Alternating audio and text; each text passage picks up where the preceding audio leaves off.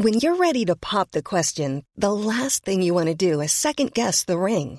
At Bluenile.com, you can design a one of a kind ring with the ease and convenience of shopping online. Choose your diamond and setting. When you find the one, you'll get it delivered right to your door. Go to Bluenile.com and use promo code LISTEN to get $50 off your purchase of $500 or more. That's code LISTEN at Bluenile.com for $50 off your purchase. Bluenile.com code LISTEN. Hiring for your small business? If you're not looking for professionals on LinkedIn, you're looking in the wrong place. That's like looking for your car keys in a fish tank. LinkedIn helps you hire professionals you can't find anywhere else, even those who aren't actively searching for a new job but might be open to the perfect role. In a given month, over 70% of LinkedIn users don't even visit other leading job sites. So start looking in the right place. With LinkedIn, you can hire professionals like a professional. Post your free job on linkedin.com slash people today. Hvordan kunne en psykiater bli dømt for overgrep flere ganger, få tilbake autorisasjonen fra staten, for så bare å fortsette overgrepene? Og hvordan fant egentlig VG ut av alt sammen? Det lurer vi på i dag. Velkommen til Scoop og mediekjør spesial. Spesial. Og vi presenterer altså i denne serien eh, metodene bak eh, de sakene som vant enten Scoop-diplom eller Scoop-prisen.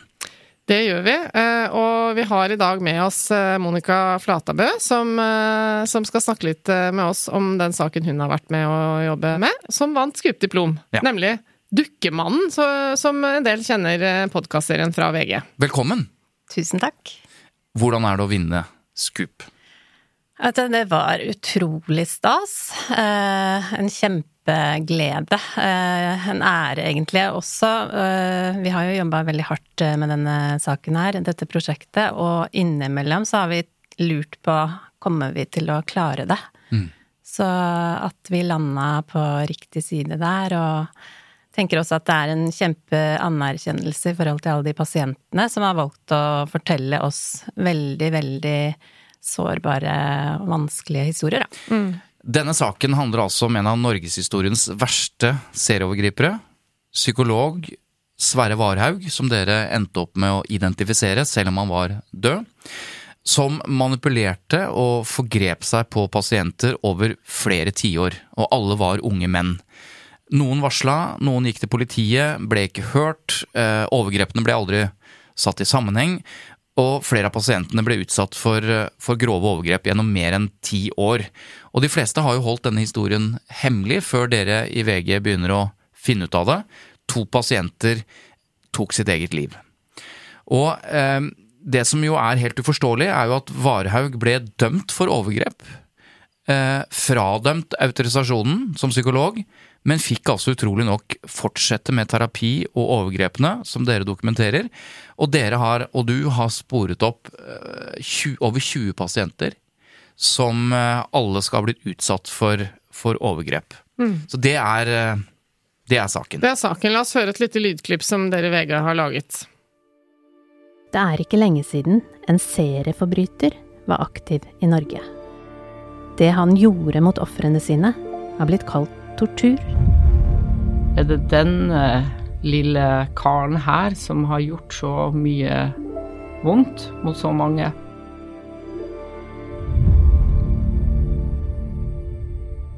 Det er jo psykopatisk, ikke sant? Alle ofrene er unge, heterofile og ressurssterke menn. Han gikk inn i hodene deres og fikk dem til å gjøre vanvittige ting. Likevel er det få som har hørt om han. For mediene offentliggjorde ikke navnet hans. Hvordan fikk mannen det til? Hvor mange ukjente ofre fins der ute? Og hvorfor var det ingen som greide å stoppe ham?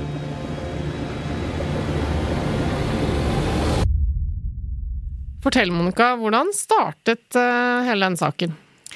Det startet faktisk med noen brev. Noen veldig fine, håndskrevne brev på sånn tynt, lyseblått eh, papir. Eh, De var skrevet av en 27 år gammel mann. eh, Og bare tre dager etter at han skrev dem, så tok han sitt eget liv. De brevene de ble lagt på et loft, og der ble de liggende i nesten 40 år. helt til sønnen til denne mannen da finner dem tilfeldigvis. Og når han leser dem, så ser han at eh, alle de brevene de handler jo om én mann, nemlig sjefpsykolog ved Rogaland sjukehus, Sverre Varhaug. Hvordan Er det en pasient som har skrevet brevene? Det er en pasient, ja. Eh, Han var pasient ved det sykehuset, eh, og kom til Varhaug fordi han var deprimert. Han eh, strevde litt med å finne sin plass i livet, lurte på hva han skulle bli, så det var jo egentlig ikke veldig, veldig alvorlige problemer han strevner med. Eh, Men etter hvert eh, så blir han jo veldig avhengig av Varhaug, fordi den terapien blir veldig intens. Og i det brevet så beskriver han at den terapien, den er som en djevelutdrivelse. Det som har skjedd eh, like før han tar sitt eget liv, det er at Varhaug, han rømmer faktisk fra distriktet fordi politiet har begynt å etterforske han. Og da blir denne gutten så eh, ulykkelig og redd at han tar sitt eget liv. Det starter altså med disse brevene, men eh, det er mange som roter rundt på loft og finner eh, ulike saker og brev som virker kanskje uforståelige eller dramatiske, uten at det havner hos VG. Hva skjer? Hvordan kommer dere på sporet av dette? Høsten 2019 så tar da denne sønnen til pasienten han tar kontakt med oss, og han spør oss om vi kan finne ut av hva som skjedde i det terapirommet. Hva skjedde med pappa? Hvordan skjer det da? Ringer han 22000000, som er VGs telefonnummer, eller hvordan skjer dette? Eh, via en han stolte på, så tok han kontakt med en hos oss, og så eh, ble dette tipset da slusa til meg. Ja. Og det var sånn vi begynte å jobbe med det. Og hva skjer videre da? Det vi gjorde da, var at vi fant ut av at uh, han hadde jo blitt dømt faktisk uh, tre ganger. Først uh, i 1980, og så i 1988, og så på begynnelsen av 2000-tallet. Så Altså da, han er dømt flere ganger. tre ganger for til sammen overgrep mot seks pasienter. Og alle var unge menn. Hva er det som eh, roterer opp i din journalistiske hjerne da, når du, når du finner ut av det her? For det første så lurte vi veldig på hvordan er det mulig? Altså hvordan er det mulig at en og samme mann kan forgripe seg mot pasienter gang på gang, og bare få lov til å fortsette? Så det var det ene spørsmålet. Eh, og så lurte vi også veldig på kan det være enda flere ofre? Fordi jeg begynte å tegne en tidslinje, og vi så jo ganske kjapt at den gikk over tre tiår. Det er lenge. Det er lenge. Eh, Så vi visste jo at det var seks ofre, men vi trodde vel at det kunne være flere. Og hva slags metode bruker dere da? Vi, for det, nå snakker vi om et journalistisk arbeid hvor metoden blir veldig viktig. Hva, hva er det dere, hva, hvordan jobber dere da? For å finne ut av om det er flere pasienter? Ja, ikke sant. Vi, vi, vi eh, så jo, eller vi tenkte, at denne historien her, den, den handler ikke bare om en serieovergriper, men et helt system som har svikta. Så det var det vi ville belyse. Og da var det viktig for oss å finne ut av hva var det helsemyndighetene hadde gjort, og hva var det politiet hadde gjort. Så de to sporene bestemte vi oss for å liksom bore veldig i for å undersøke systemet. Og da er det rett og slett viktig da, å, å finne dokumentasjon. Fordi dette er jo lenge siden. Noe av det skjedde jo i, på slutten av 60-tallet, ikke sant. Og det går jo opp helt til begynnelsen av 2000-tallet. Eh, Så i tillegg til, eh, til å snakke med folk, så var det liksom finne dokumentasjon. Og dette er jo da starten på et arbeid som dere holdt på med i halvannet år eller noe sånt. Eh, I begynnelsen så har dere vel ikke planlagt om dette skal bli en podkastserie som heter Dukkemannen, men det er rett og slett bare å innhente opplysninger og få innsyn i dokumenter. Hvordan var eh, arbeidet med å få innsyn i så sensitivt materiale? Ja, det var ikke lett. Jeg har ikke drevet så mye med innsyn før. Eh, Men i dette tilfellet her så handlet det jo ikke bare om å få innsyn i sensitivt materiale, men rett og slett også bare finne dokumentene. Fordi at eh, ikke sant, det er 50-60 år gamle dokumenter, og veldig mye har forandra seg, hvordan vi organiserer oss. Rikstrygdeverket fins jo ikke lenger, ikke sant. Sånn at eh, Hvor, hvor, hvor havner de dokumentene da? Eh, Det var det jeg også lurte på. Ja. Hvor ligger de dokumentene? Eh, Så det jeg gjorde da, var at jeg, jeg ringte til de forskjellige etatene. Og så snakka jeg med folk før jeg sendte innsynsbegjæring, for å liksom høre hva tenker dere? Hvor er det jeg, hvordan, hvor bør jeg henvende meg? Og det er jo utrolig mange hjelpsomme mennesker der ute, sånn at eh, der fikk jeg mye hjelp. Men det var allikevel som å bevege seg i en labyrint av sånn dead ends, eh, og jeg sleit veldig altså, med å Jeg har jo ikke problemer med å se for meg det i helt normale tilfeller i livet sitt. Så er man jo ofte i en sånn hvor man blir kasta fra den ene til den andre, og ingen vet egentlig hvor, hva som er riktig sted å henvende seg. Og det må det jo absolutt ha vært mye av her også.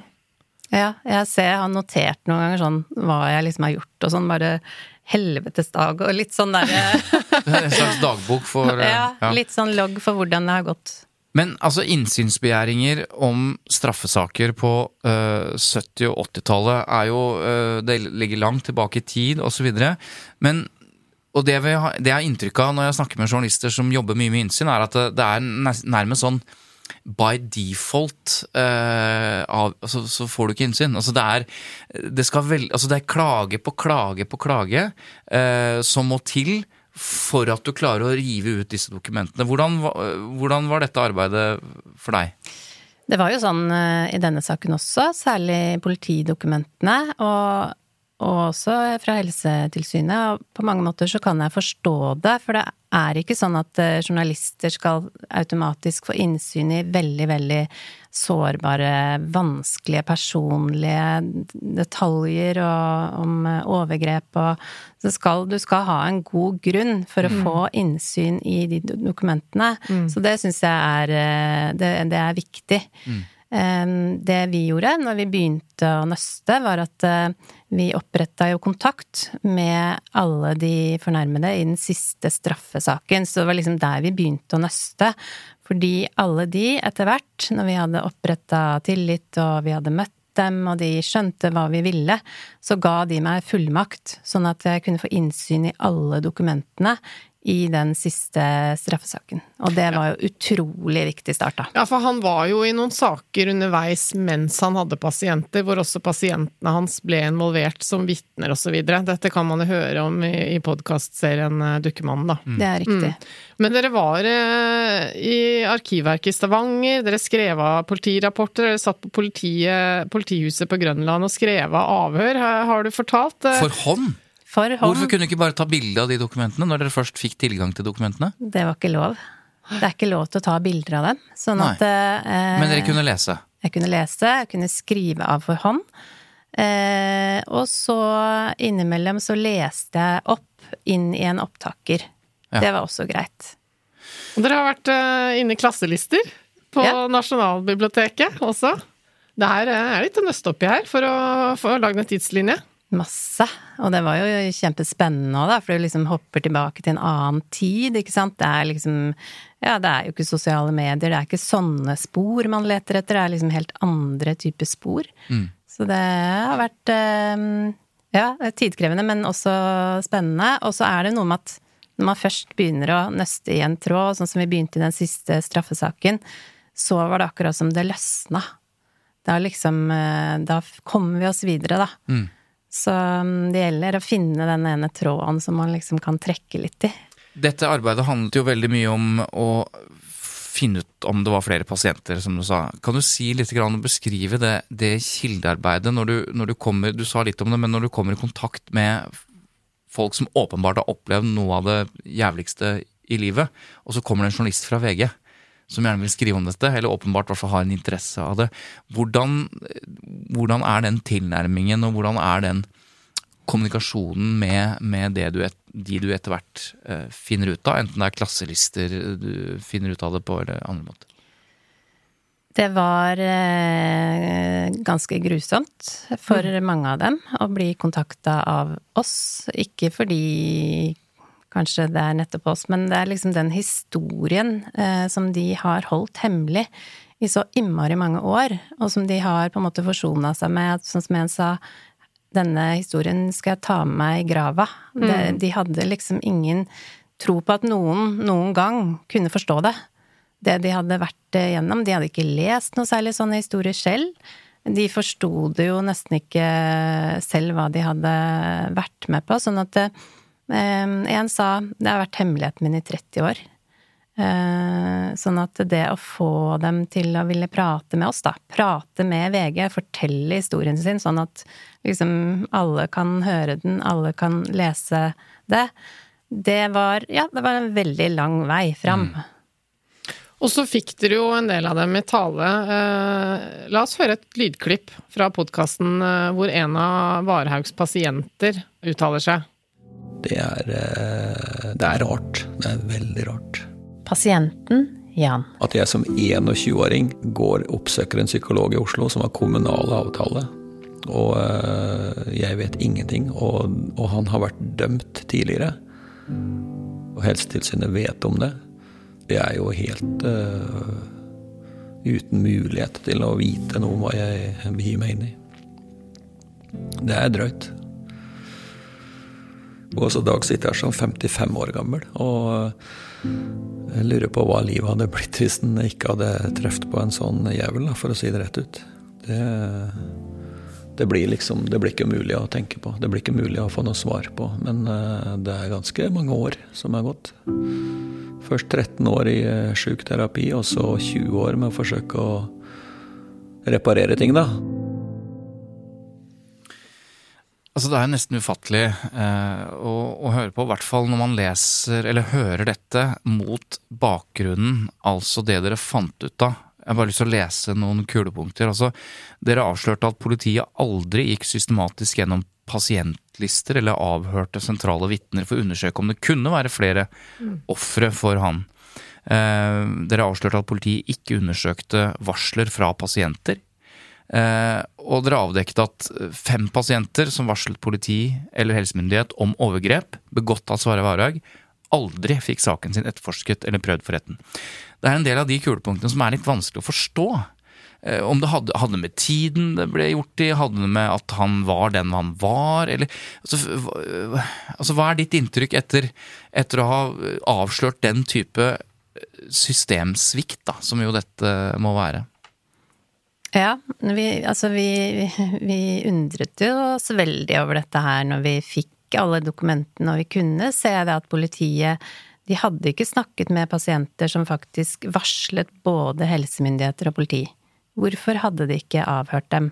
For eksempel. Altså sånne Det eh, var mye som overraska oss. Mm. Eh, og det som gikk igjen eh, fra også myndighetenes side, var at eh, de på en måte avfeide denne historien som en gammel historie. Kommet, nå har vi kommet lenger, liksom. Nå ser vi på de, disse eh, overgrep i helsetjenesten på en annen måte. Mm enn da. Sånn at eh, jeg prøvde jo i ett år å få Helsetilsynet i tale. Eh, prøvde å få dem med på møter. Prøvde å få dem til å eh, treffe meg, sånn at jeg kunne legge fram saken og forklare dem saken. Men de avviste ethvert forsøk på det, og sa at de, de kunne ikke bruke tid på dette her, for det var bare en gammel sak. Eh, og da vi intervjuet eh, helseminister Bent Høie, så sa han også at eh, dette ville nok vært veldig annerledes i dag. Sa. Det var den første responsen. Ja. Mm. Så fikk de etter hvert en, en beklagelse um, fra den samme helseministeren. Hvor viktig er, opplever du, du har jo hatt kontakt med kildene, hvor viktig er en sånn type offentlig beklagelse um, for pasientene? Veldig viktig. Uh, og det skjedde jo bare halvannen uke etter at podkasten var publisert, så kom den beklagelsen.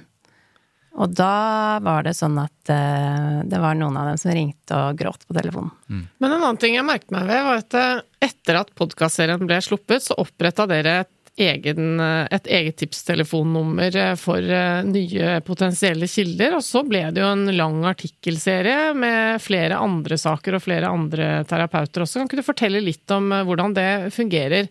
I pressen. Man publiserer noe for å, for å stimulere videre kilder til å ta kontakt. Er det sånn det fungerer? Fordi et av de hovedspørsmålene våre som vi var nysgjerrige på da, helt fra starten av, er kan det være flere ofre mm. der ute? Og det var jo en sånn rød tråd som vi jobba langs hele veien. Um, og så tenkte vi at hvis de skal kanskje høre podkastserien eller lese artiklene og tenke at dette skjedde med meg også, så ville vi høre fra dem. Mm. Og VG får jo inn flere hundre tips hver dag. Så vi ønska ikke at de tipsene skulle eh, komme inn i den strømmen der. Vi ville at de skulle komme direkte til oss, som kjente saken, og som kunne ta imot dem på en god måte, da. Ja, rett og slett for å ta bedre hensyn til de som ringer med noe, med ja, noe sårt og vanskelig? Ja, og fange dem opp. Mm. Og at skulle, terskelen skulle bli lavere for å ta kontakt med oss. For det er ikke bare bare å ta kontakt med VG, ikke sant. Og, og fortelle om noe som du kanskje har holdt hemmelig, ja, han ene i 40 år. Nei. Sånn at um, det var veldig vellykka. Mm. Um, allerede første kvelden, uh, etter at podkastserien var uh, publisert, så fikk vi den første mailen. Og det var en uh, mann som ble utsatt for overgrep på 60-tallet, da han bare var 15 år. Mm. Så det, det var veldig sterkt. Han var fast bestemt på å legge Sverre Varhaug-saken bak seg. Så leste Tom 67 om psykologen sin i VG, ble da en sak. Det er en av de andre. Mm. Mm. Han, eh, han eh, leste rett og slett om Sverre Varhaug i avisa, etter å ha prøvd å glemme han i, siden 80-tallet. Og fikk jo en kjempesterk reaksjon, så klart. Eh, og så satte han seg ned sammen med samboeren sin, og så bestemte de seg for å invitere broren til Tom og kona og lytte gjennom hele podkastserien sammen. Mm. Fordi Tom han har aldri klart å egentlig fortelle familien sin om hva han har blitt utsatt for. Så satt de da eh, og lytta gjennom, i stillhet egentlig, de fem episodene. Og så på slutten av siste episode så reiser broren seg opp, og så gir han Tom en lang klem. Og det sa Tom, det har aldri skjedd før. Ja, Nå kjenner jeg hårene reiser seg litt her. Hvordan føles ja. det for deg, ja, som har jobba med denne saken, at når du hører en sånn historie? Nei, altså det er jo sånn at det, det, det alt gir liksom mening, ikke sant. Når man uh, hører sånne historier som det der. Det betyr innmari mye for mm. oss også. Mm. Det kom et nyhetsvarsel eh, fra VG hvor det sto 'Psykologen begikk overgrep i fire tiår'. Nå kan VG fortelle 22 nye pasienthistorier. Fordi tidligere sa du at dette var noe som hadde foregått over tre tiår, som dere jobbet med i starten, og så kom det noen nye opplysninger som gjorde at det viste seg å ha vart lenger? Riktig. Det var etter at vi hadde publisert de første sakene, så kom det jo flere pasienter som tok kontakt med oss. Mm. Og da kunne vi begynne på en måte å fylle ut tidslinja enda lenger. Mm. Så det vi gjorde da, var at vi brukte ganske mye tid på etter ettergå alle historiene, sånn at vi skulle være helt sikre på at de faktisk hadde vært eh, Sverre Varhaugs pasienter. Sånn at vi fikk fullmakt fra dem for å få ut journalene deres. Og da kunne vi se at de hadde vært eh, hans pasienter på ulike sykehus og, mm. og sånn. Og så var det også noen som ikke hadde journal, som hadde vært eh, eh pasient hos han når han jobba privat. Da fikk vi dem f.eks. til å tegne terapirommet i detalj, og så hadde vi også noen sånne opplysninger som vi ikke hadde publisert, detaljer, som de kunne oppgi, da. Ja, for å verifisere rett og slett at det var snakk om riktig Vi måtte være sikre på at de hadde vært varehagspasienter, Mm. Så det, det brukte vi lang tid på. Og så traff vi alle de som ønsket å treffe oss, de traff vi ansikt til ansikt også. Denne, dette er jo første delen av det VG har sendt inn, som jo er Dukkemannen, eh, tittelen på podkasten om Sverre Warhaug. Men det er jo en, på sett og vis en del to av dette, eh, som resulterer i hele overbygningen Grenseløs terapi. Altså det som metoderapporten eh, ble kalt, da. Ehm, fordi det går jo fra dette grunnleggende spørsmålet hvordan kunne Sverre Varhaug bli dømt og få tilbake autorisasjon og holde på i 40 år, over til spørsmålet finnes det, eh, finnes det andre eh, som han, som også beholder autorisasjonen til tross for overgrep som de både begår og blir dømt for osv. Kan du bare si litt om hva, hva dette altså, førte til av videre arbeid, som er en del av den prisen og det prisvinnende arbeidet? Vi ble jo veldig overraska egentlig over den der veldig avvisende tonen fra Helsetilsynet. At de ikke ville treffe oss, de bare avviste som en gammel sak, veldig sånn kontant. Så begynte vi å snakke om eh, er dette egentlig bare en gammel sak? Altså hva vet vi egentlig om hvordan det er i dag? Og da ble kollegaene mine Ane Mulladal og Bjørnar Tommelstad, de ble kobla på. Så de eh, begynte å bore i det sporet der. Ok, hva vet vi om hva som skjer i dag? Eh, Så da undersøkte de, altså de eh, både psykologer og psykiatere som har fått mista autorisasjonen sin fordi de har kryssa grensen seksuelt med pasienter siste 15 åra. Hvordan finner man ut av det, da? Det er mye innsynsarbeid, da. Ja. Og mot Helsetilsynet igjen. Eh, og det de fant ut av, var jo at uh, Varehaug-saken, den er jo ikke bare en gammel historie. Nei. Dette skjer jo i dag også. Så de fant jo at det var 42 eh, psykologer i løpet av den tidsperioden der som hadde krysset grensen seksuelt med pasientene sine.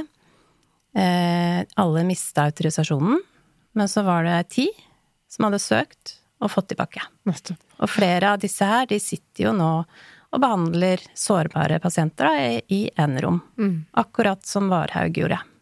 Og eh, selv om du har sagt mye om det allerede, så vil jeg bare understreke da for de som hører på at det, det er jo ikke sånn da at dere bare ringer et sted og får denne opplysningen som du nå sitter og forteller. Ikke sant? Dette er jo det dere kaller datasett, eller dere samler informasjon fra ulike kilder. Dere går inn og ser hvem har fått en dom, og så sjekker dere andre steder om hva som er opplysningene bak, og setter alt dette sammen. Og det gjør jo da dere som journalister, fordi ingen andre i samfunnet gjør dette kontrollarbeidet, rett og slett. Så jeg vil bare understreke det, for det er litt av den rollen dere da har som presse i å gjøre det arbeidet som vi vanlige folk egentlig da tenker at det burde da ha vært gjort. Som en helt ordinær kontrollfunksjon av helsemyndigheter og rettsvesen og andre, men det må altså pressen gjøre, da. Hva Ja. tenker du om det? Ja, det er jo en av de viktigste oppgavene pressen har, å gjøre den jobben der. Og det, i dette tilfellet her så var det jo ikke enkelt heller. Vi måtte tenke veldig lurt og smart. Eh, Vi fikk ikke ut den, eh, alle de, den informasjonen vi trengte med en gang.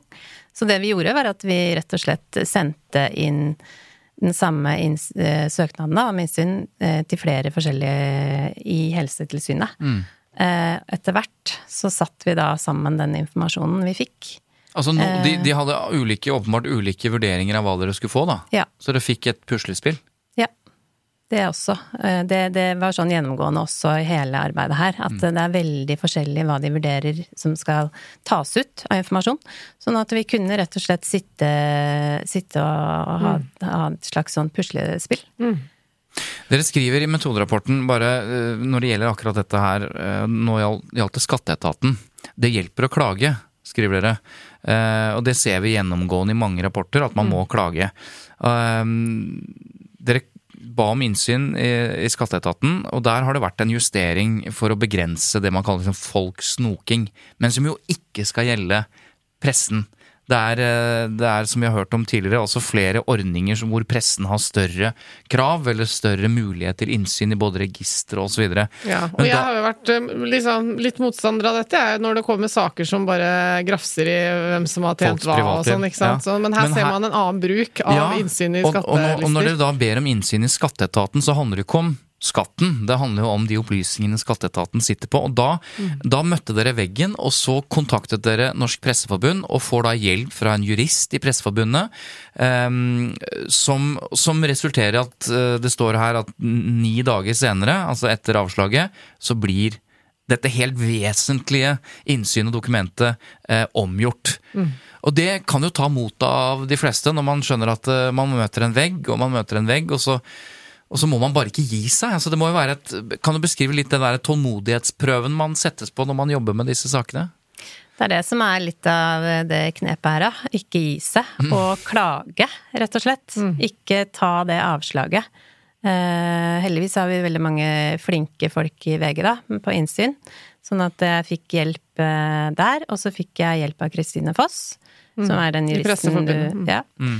Eh, og den klagen var jo eh, Den var ganske lang og kontant, liksom. Sånn at eh, jeg var veldig spent på hvordan de skulle motta den. Men som sagt, er altså seks dager etterpå så omgjorde de det.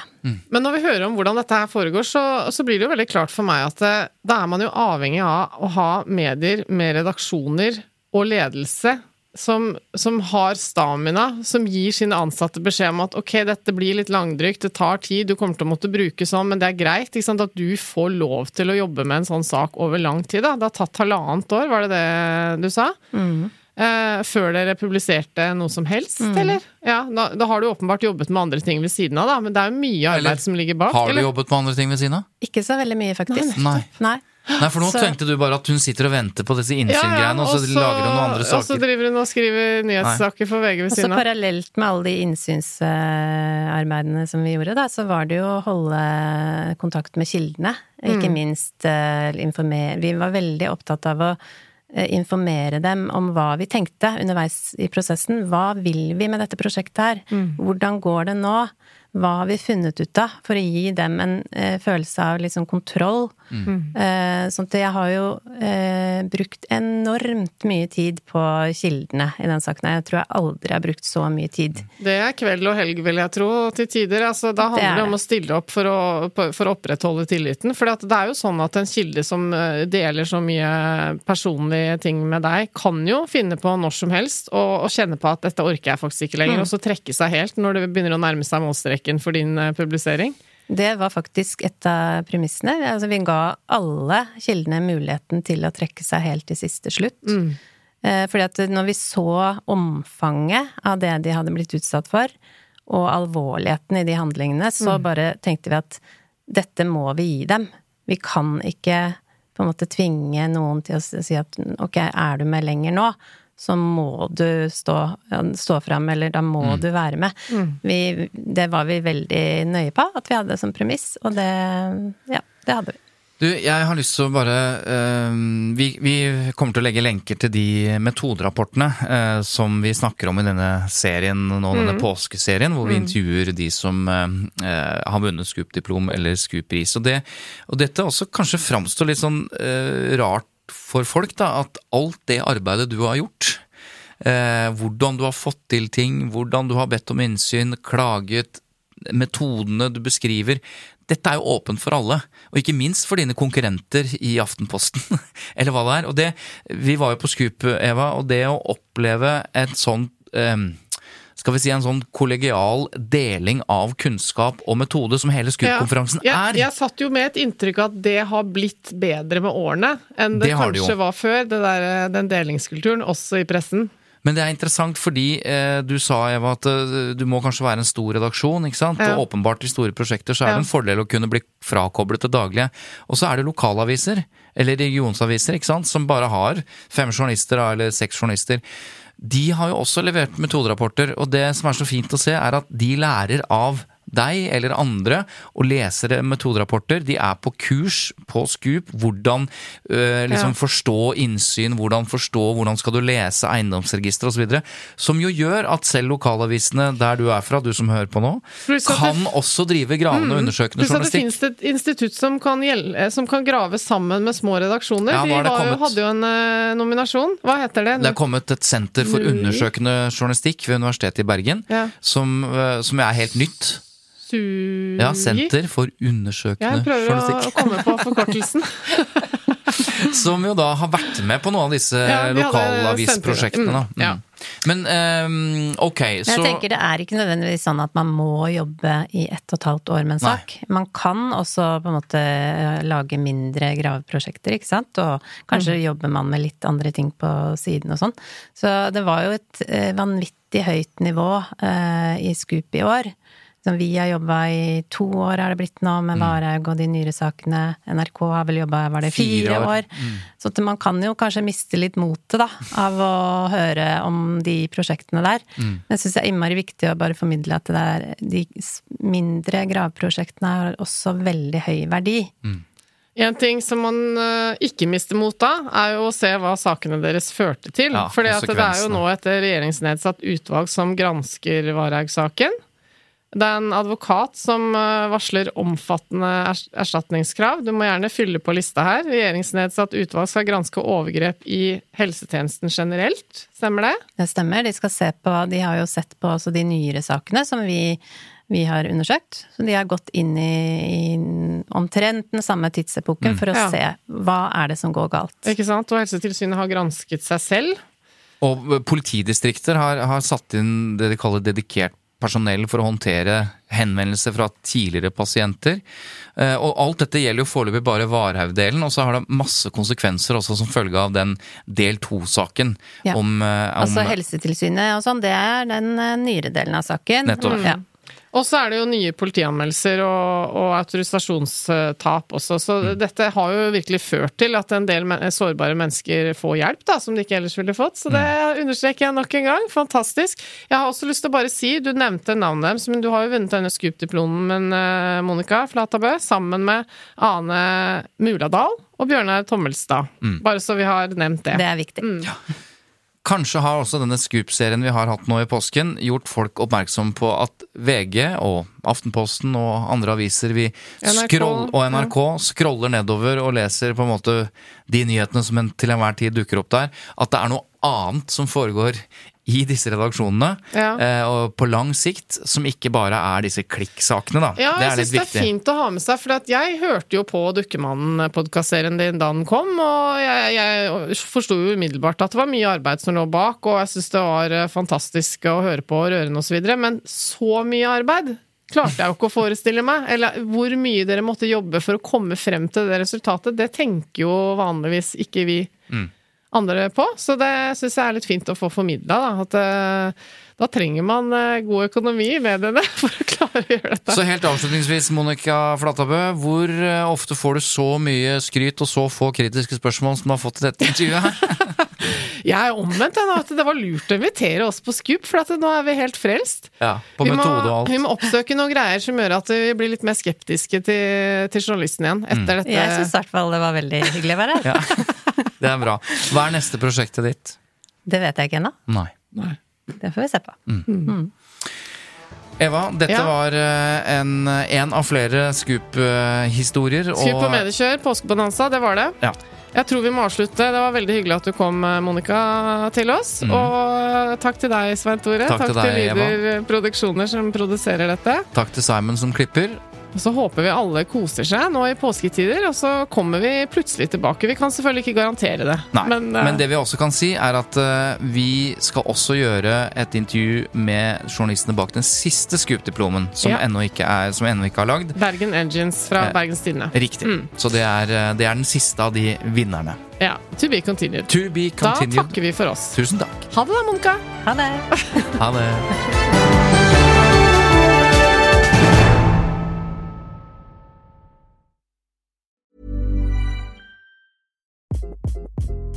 Hi, this is Craig Robinson from Ways to Win, and support for this podcast comes from Invesco QQQ, the official ETF of the NCAA. The future isn't scary. Not realizing its potential, however, could be. Just like on the recruiting trail, I've seen potential come in many forms as a coach. Learn more at Invesco.com slash QQQ. Let's rethink possibility. Invesco Distributors, Inc.